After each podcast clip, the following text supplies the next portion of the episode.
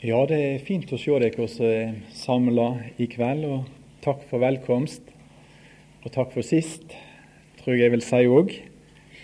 Det har jo blitt nesten tradisjon dette her nå med en tur til Karmøy i starten på juni. Og jeg tror jeg kan si at samtlige av oss er kommet i dag, vi har gledd oss. Eh, det er jo ikke alltid da at eh, det er alltid like stor glede når en reiser en plass, men jeg tror alle har sett fram til denne turen med glede.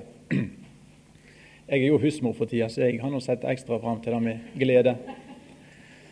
Eh, jeg kunne jo sagt en del om det, til å være husmor, men når kona mi sitter bak, så våger jeg ikke å si så mye om det. Jeg regner med at det er det nærmeste trengselen du kommer i denne tid. Det er jo det å være plassert på et kjøkken. Det var mange damer som nikka. Vi kommer òg med bønn til Herren om å få lov å være til velsigning. Og takk fordi at jeg vil eh, være med og be om det, også via Himmelske Far, vi venner oss til deg i Jesu Kristi navn enda en gang. Og så ber vi at du bryter brødet. Og vi ber om å få lov å merke at du tar deg av oss til de er. Amen. Der er et litt spesielt uttrykk i apostelgjerningene 9 som jeg antar jeg vil ha som utgangspunkt for disse møtene denne gangen. Og Vi kan slå opp og lese dette, de to første versene i apostelgjerningene 9.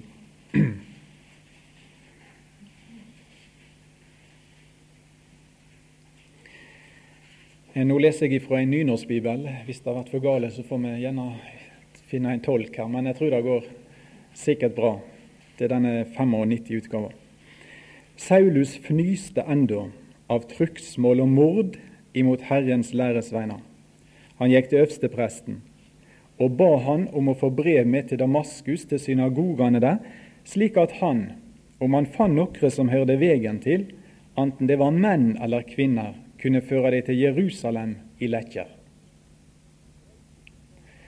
Og Det uttrykket som eh, jeg har lyst til å streke litt unna, det er dette om han fant nokre som hørte vegen til nokre som hørte vegen til.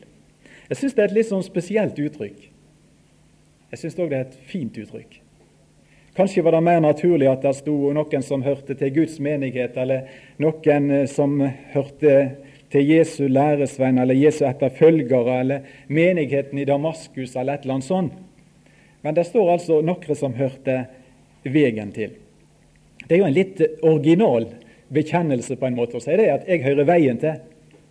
Vi har jo våre bekjennelser. sant? Og Hvis, hvis noen spør deg hvor liksom du hører hjemme i dette her religiøse eller åndelige landskapet, så er det sikkert ingen av oss som pleier å si det. Ja, jeg hører veien til. Det er noen som sier de er lutheranere, noen er pinsevenner, noen er metodister, noen er baptister. Jeg har aldri sagt sjøl at jeg hører veien til når noen har spurt om det. Og det er ikke sikkert du har gjort det heller, men jeg syns det er noe fint i det. Jeg hører veien til. Jeg hører veien til. Det er et uttrykk som jeg tror du finner en 28 ganger i apostelgjerningene. Og jeg tror betydningen eller innholdet i dette her uttrykket da kan variere litt. Men ofte så står det jo for de kristne, de truende. Det kan òg stå for den kristne trua, eller den kristne læra. Og det er ikke noe motsetning, for hvis vi er kristne, så hører vi òg til den kristne trua, eller den kristne læra. Eh, noen ganger kan det se ut for at det betyr ganske enkelt frelser. Høyre frelser til. Det er òg et fint uttrykk. Eller det kan bety det som Gud gjør i denne verden. Veien. Det som Gud gjør. Eller så tenker jeg òg på det at veien det er for meg Det taler òg om himmelveien. Jeg er så barnslig og enkel. Jeg hører veien til. Jeg hører himmelveien til. Eller vi kan tenke på det som står i Johannes 14, 6, som du kjenner så godt. Når Jesus sier 'Jeg er veien', mellom annet. Jeg er veien. Ja, jeg hører veien til. Jeg hører Han til. Han som er veien. Og Nå tenkte jeg bare vi skulle ta noen få ting om disse folkene som hørte veien til, og begynne litt i kveld med det.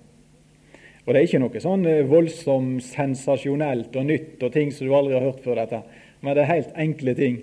Men så er gode for min del, og så er nyttige for min del, og så jeg håper kan være godt for deg å bli minnet om. Og Det første jeg da har lyst til å si, det er at disse som hørte veien til i apostelgjerningene og ellers, de var helst få. Hør igjen hva som står i vers 2.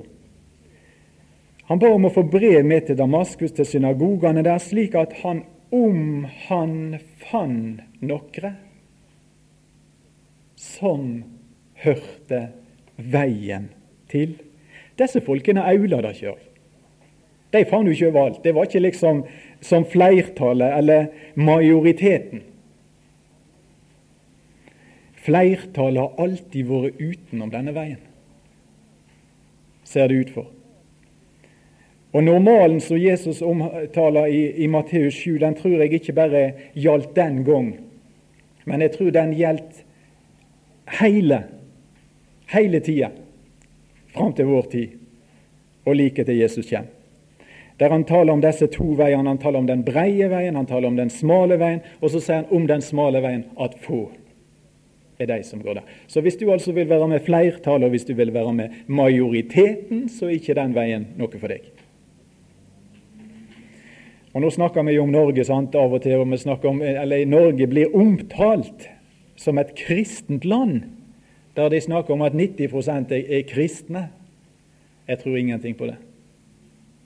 Jeg tror at det som Jesus sa den gang, det gjelder også i Norge i dag. Norge er et veldig religiøst land i sammenligning med andre. Men saken er den samme, og situasjonen jeg overbevist er den samme. At det er få som er på veien. Det er mange som har teorier om veien. Det er mange som har kunnskap om veien, og det er mange som har meninger om veien. Men det er helt noe annet å f.eks. ha hørt om denne veien, og så være på veien. De fleste i Norge har hørt om denne veien, men det betyr jo selvsagt ikke at de hører til på veien. For da skjer det noe. Da må det skje noe voldsomt radikalt for at du skal bli blant de som hører til på denne veien. Og det er sånn med de folkene som hører denne veien til, at der er en fellesnevner. De kan være veldig ulike. Og vi trenger jo ikke reise langt for å finne ut det. Da tror jeg alle vi som hører hjemme i en venneflokk eller i en forsamling, vi kan skrive under på det at eh, du skal ikke reise langt for å finne ut at det er, er variasjoner når det gjelder oss å høre Herren til. Men det er noen fellesnevnere. Og en av dem har jeg lyst til å ta ifra apostelgjerningene. La oss slå opp i eh, kapittel 4 og vers 4. Og Dette tror jeg er litt aktuelt å si i dag, ikke akkurat i denne forsamling, men i, i folket vårt. Og rundt på bedehusene mange plasser. Og Der står det sånn i vers 4, apostelgjerningene 4.: Men mange av de som hadde hørt ordet, kom til trua, og tallet på mennene steig til ikring 5000. Nå hadde det skjedd noe voldsomme greier her like før. Det var en lam mann som hadde vært lam i 40 år, som hadde opplevd en helbredelse, en oppreisning. Og de kunne se denne mannen, hvor han sto igjen med Peter og Johannes rundt omkring nå. Det er litt merkelig det òg, fordi at i, i, alle situasjoner du, du, du, treffer disse etterpå dette underet, så, så står han der med deg. Han holder seg nær til deg, og han er sammen med disse som, som har, har bevirket under i livet hans. Men det er ikke det som gjør at det kommer en del nye på veien. Det er ikke det at de har sett dette her, først og fremst, men det er det at de har hørt noe. Og de har hørt noe som gjør at de er blitt truende. De kom til true. Og hva er det de har hørt? Hva er det som har flytta disse folkene inn på veien? I starten var de 3000, nå er de blitt 5000, står. Men mange av de som hadde hørt ordet, det er transportmidler inn, så du blir en av de som hører til på denne veien. Det er noe med ørene, og det er noe med hjertet, som lager forskjell. Og Lydia synes jeg òg er en veldig sterk illustrasjon på akkurat dette. Hun er en modell, kan vi gjerne si, når det gjelder transportering fra det å være utafor denne veien og til å være på denne veien, eller tilhøre denne veien. Apostelgjerningene 16-14, det er kjernstoff. Men det er et sånt flott eh, vers. Ei av dei var ei kvinne som heter Lydia. Hun var fra Tyatira og handla med purpur. Dette er jo etter at Paulus har fått synet. Han så en mann som ropte 'Kom over og hjelp oss'. Og så kommer han opp i et kvinnestevne i Filippi. Bønn. Kvinner som er samla til bønn. Og så står det at hun dyrka Gud etter jødetroa. Hun var religiøs. Jeg er sikker på at Lydia var et knakende fint menneske. Ei religiøs. Og så står det hun høyrde på og Herren åpna hjertet hennes. Det er òg et mirakel. Vi pleier jo å si at du må åpne? Og, så, og så fokuserer vi veldig på denne dørklinken på innsida, men eh, det hadde vært lite hjelp i hva jeg hadde gjort hvis ikke Herren hadde gjort noe der.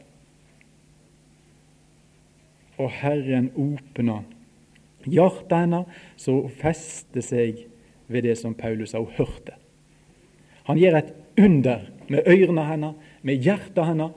Og så hører hun, og så i fortsettelsen så ser vi det at hun er frelst.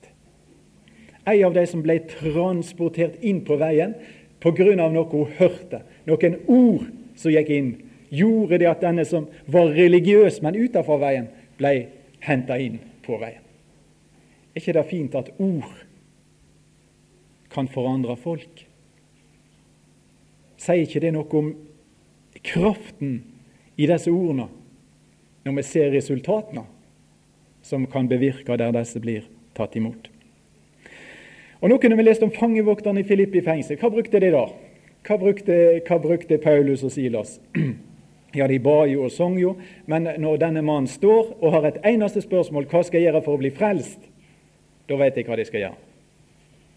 Og så forkynner de ordet de forkynner evangeliet for. Eller du kan ta Kornelius, som altså hadde fått den beskjeden at han skulle sende bud etter Peter, og han skal forkynne ord for deg, som skal bli til frelse for deg. Ordformidling til frelse.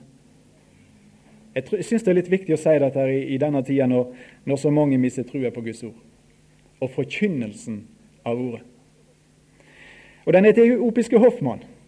Du finner gang på gang i apostelgjerningene at når Gud henter inn noen utenfor denne veien og plasserer dem på veien, så bruker han det samme middelet. Han bruker Guds ord. Vel, disse på veien, som jeg sa, de syntes å være i mindretall. Men det er én ting til jeg har lyst til å si om det. Og det er det at de går ikke rundt og gjør slik som mange kristne i dag gjør, at de er veldig opphengt og nærmest bedrøvet over det at vi er så få. De fokuserer ikke på det, så de siger ned i en slags depresjon nærmest. Og, og vi er så få. Du finner ikke den tonen. Men den tonen du finner jo disse første kristne på denne veien, vet du hva det er? Takk Gud for at vi får være blant de få. Og så har de denne gleda og denne trangen til å takke og tilbe Gud, fordi at de var så benåda og privilegert at de ble henta ut av alle disse blindveiene, eller den breie veien, om du vil, og sett inn på denne himmelveien. Kanskje vi skulle tenke litt mer på det enn vi ofte gjør òg. For det er ikke til å komme forbi at det er av og til en del som glemmer, og så blir det akk og akk og akk. Vi har så uendelig grunn til å takke Herren at vi får lov å være med blant de få.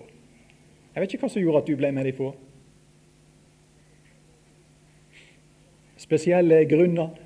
Var det noe sånn ekstra flott som gjorde liksom at Herren han ble nærmest tvinga til å hente deg inn i sitt rike? Det var ingenting. Himmelen beskriver det med ett ord, og det er nåde. Nåde. Nåde.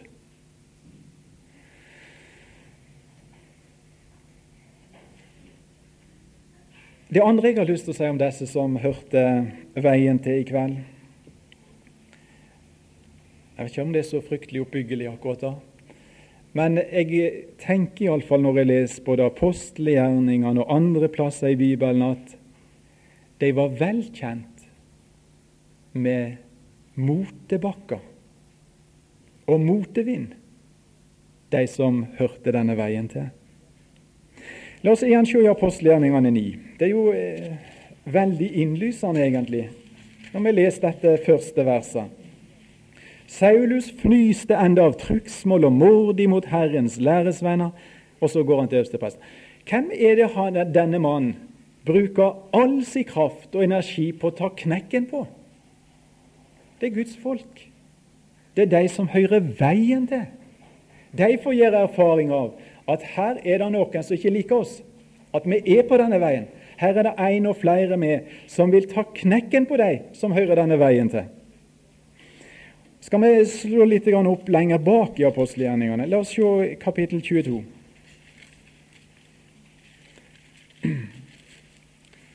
Skal Paulus få ordet litt? Vers 5.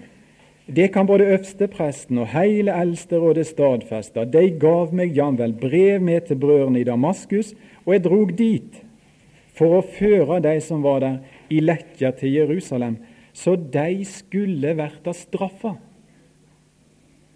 Altså Disse folkene de trenger og de fortjener straff. Det var liksom holdningen imot disse som hørte veien til. Disse. Og det var mange som sto bak Paulus. Disse trenger og fortjener straff. La oss ta kapittel 26 og vers 11. Rundt om i alle synagogene tvinger jeg deg til å spotte. Han var litt av en fyr. Tvinger jeg deg til å spotte ved å pine deg? Tror du det var lett å gå på den veien? Altså Rundt om og så sporer han opp disse som hørte veien til, og så, og så går han løs på dem. Pinte deg. Det var ikke enkelt. Og vet du hva han sier når han snakker til nyfrelste Paulus? Eh, Se i apostelgjerningene 14.22. Der har han ei flott nyfrelstepreik. Det er jo nesten nyfrelst alt som er møtt i apostelgjerningene. men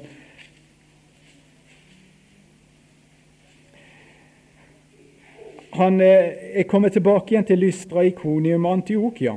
Og så står det i kapittel 14 og vers 22 de styrkte sjelene, jo læresveinene, formana deg, eller oppmuntra deg til å holde fast på trua sa vi lyt gå inn i Guds rike gjennom mange trengsler. Hva slags vei er dette? Vi må gå inn gjennom Guds rike gjennom mange trengsler. Og slik var det. Det var ikke lett. Men de fikk ikke sjokk av den grunn.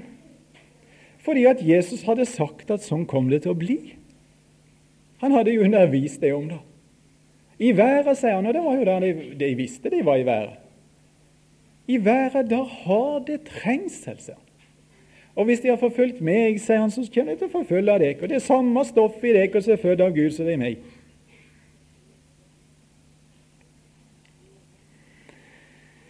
Levende og brennende kristne tror jeg alltid er garantert trøbbel i denne verden. Og jeg er, jeg er på å si nesten jeg er redd for at dess mer lik Jesus vi blir, dess mer motevind kommer vi til å oppleve. Jeg er redd det er en dom over oss kristne i dag når verden kan omfavne oss og vi blir på en måte populære i den vera som krossfester Jesus.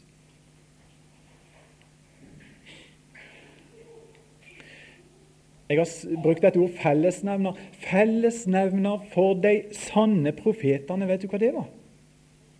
De som altså kom med bud fra Herren til folket. Ja, Stefanus sier det. Alle sammen ble forfulgt.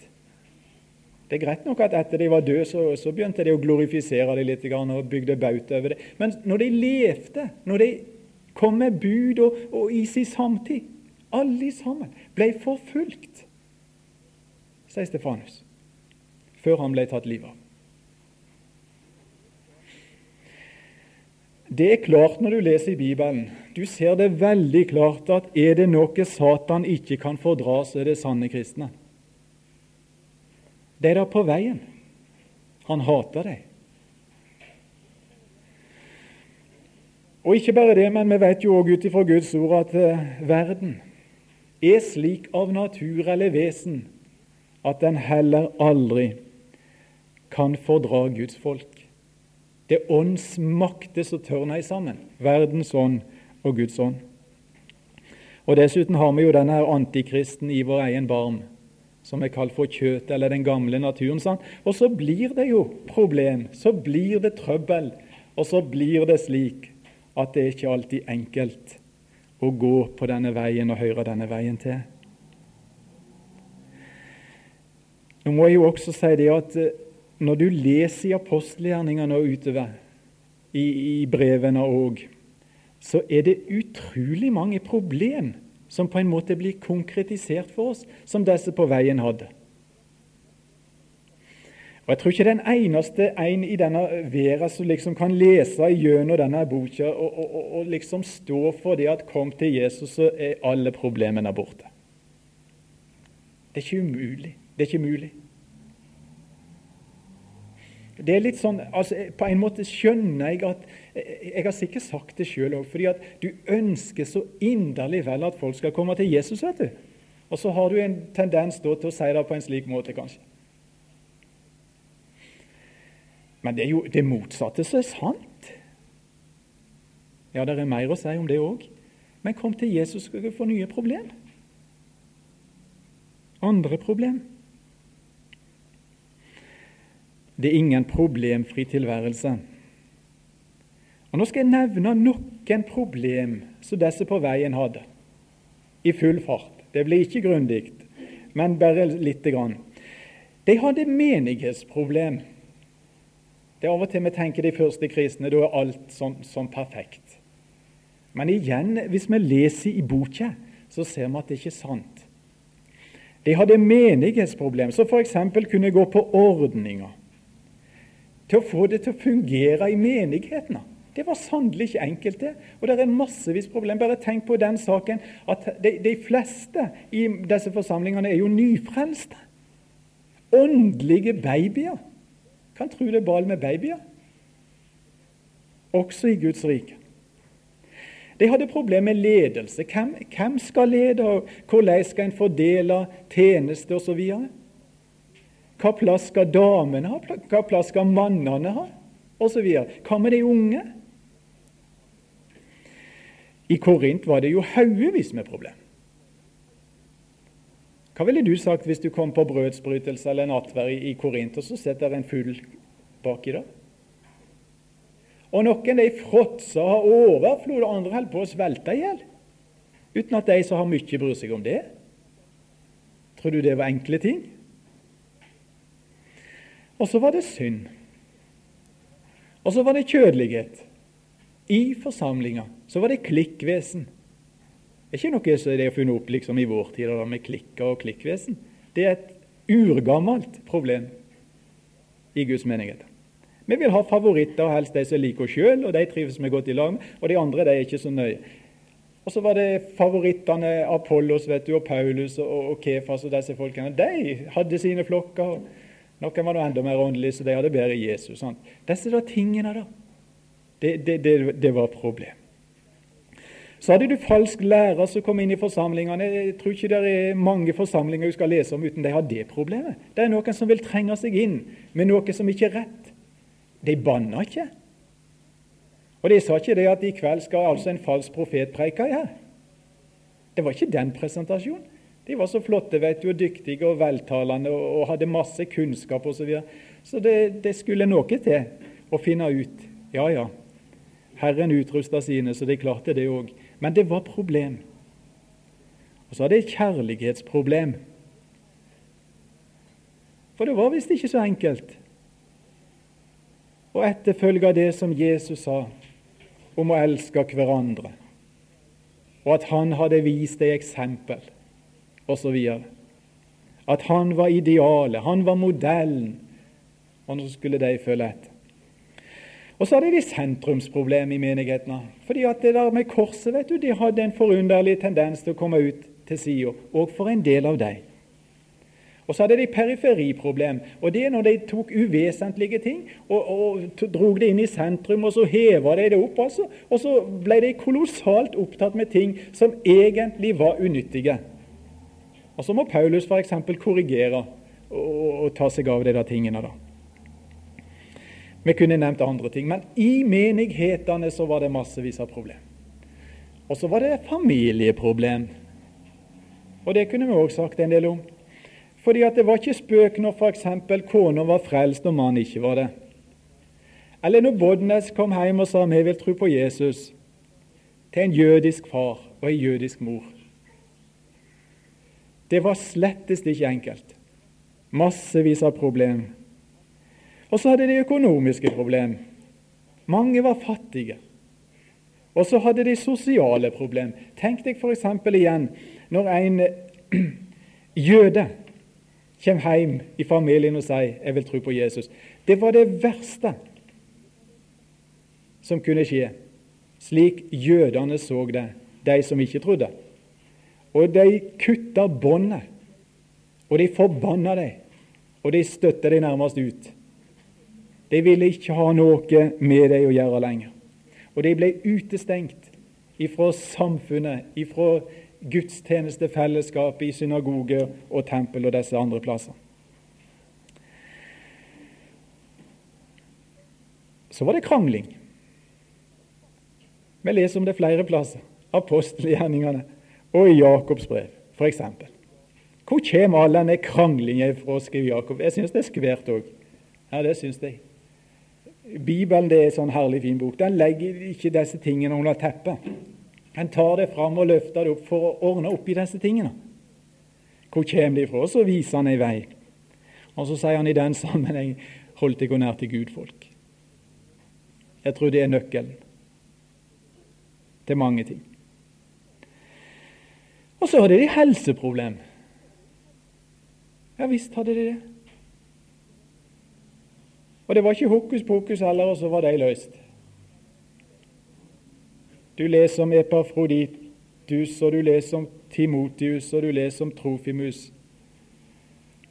Og så tenker jo jeg slik at jeg er helt sikker på det, de, de, de ba sikkert for det. Timoteus. Paulus taler om dine jevnlige sykdommer.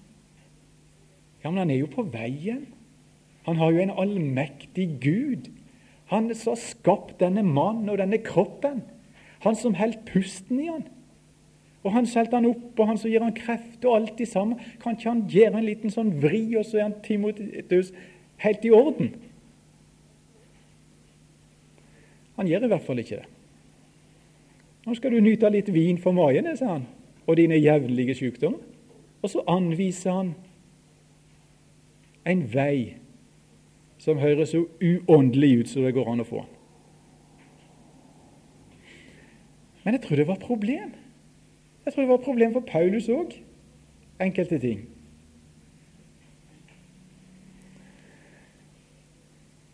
Og så hadde de sorg når de mister noen. Tenk når Jakob er vekke. Tenk når Stefanus var vekke. Disse på veien disse som hørte Gud til. Ikke fritatt for det.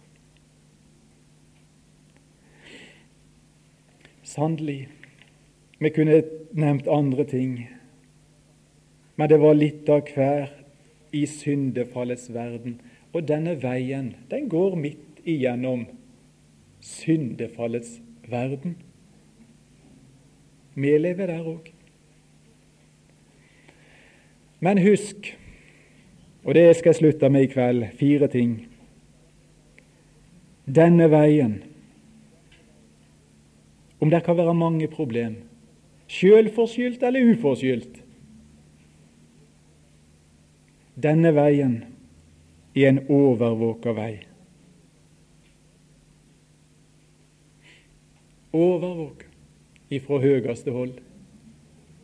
Du kan tru det er en som følger med deg på veien, og veit at hver eneste en på veien tilhører han.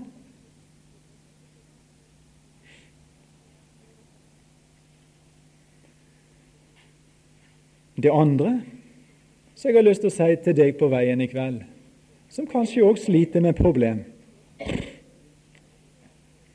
Vårt største problem, det er fjerna. Jeg syns det er fint å tenke litt i de baner. Spesielt når vi synes kanskje at små, eller i realiteten i hvert fall, at forholdsvis små problem blir store. Er ikke det fint? Synden, dette som altså ville føre meg i et møte med Gud til dom og evig fortapelse, det er fjerna for alle de som hører veien til. I sammenligning blir de andre problemene små.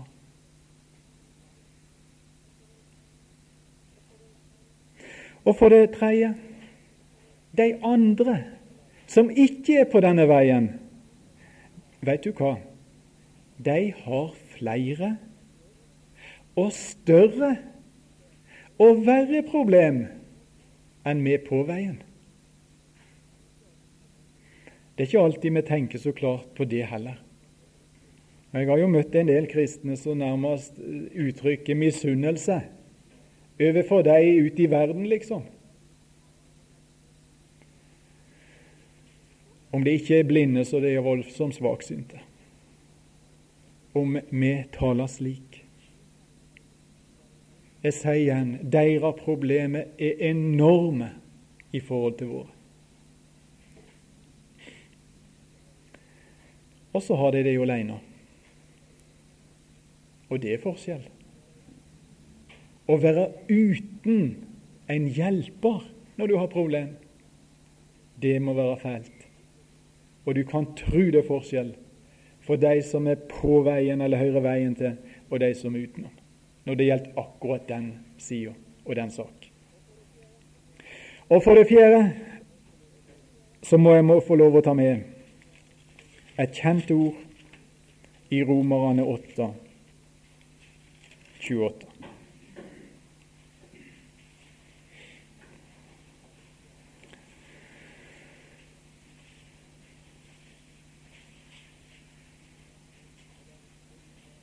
Og der skriver apostelen, for vi veit at alle ting, motevind, motebakker, trengsel, problem, alt i sammen.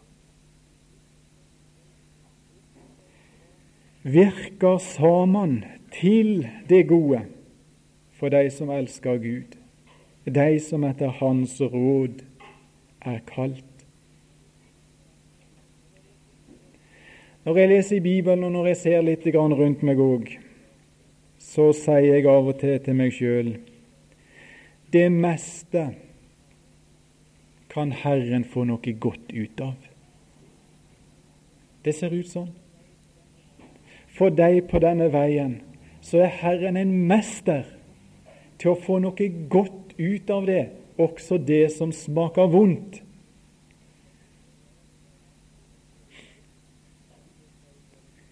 Derfor sier jeg bare til slutt det er en berikende vei å vandre på denne veien. Og Gud velsigne deg til å vandre og tilhøre denne veien på en slik måte som Herren vil. Far i himmelen, jeg har lyst til å takke deg og prise deg for alle også på denne plassen som du har henta inn på denne veien, og som du kan si det om at de tilhører veien. Vi har lyst til å takke deg og prise deg for nåden din imot oss inntil i dag. Takk fordi du visste alt om oss før du oss kalte, og gav oss plass ved nådens rike bord. Takk for din velsignelse som gir rik. Og så får du tilgi oss de mange ganger vi er kortsynte og svaksynte. og glem det du har sagt, og ikke ser det du har tenkt. Hjelp oss å vandre med deg slik du vil. Velsign denne forsamling, Gud. Og vi ber også om at du legger nye til. Vi ber for folket her på Åkra. Vi ber at du sender vekking og nytt liv. Herre Jesus, la det lykkes at enda flere kunne bli ført ifra mørket til lyset, ifra døden og til livet. I Jesu navn.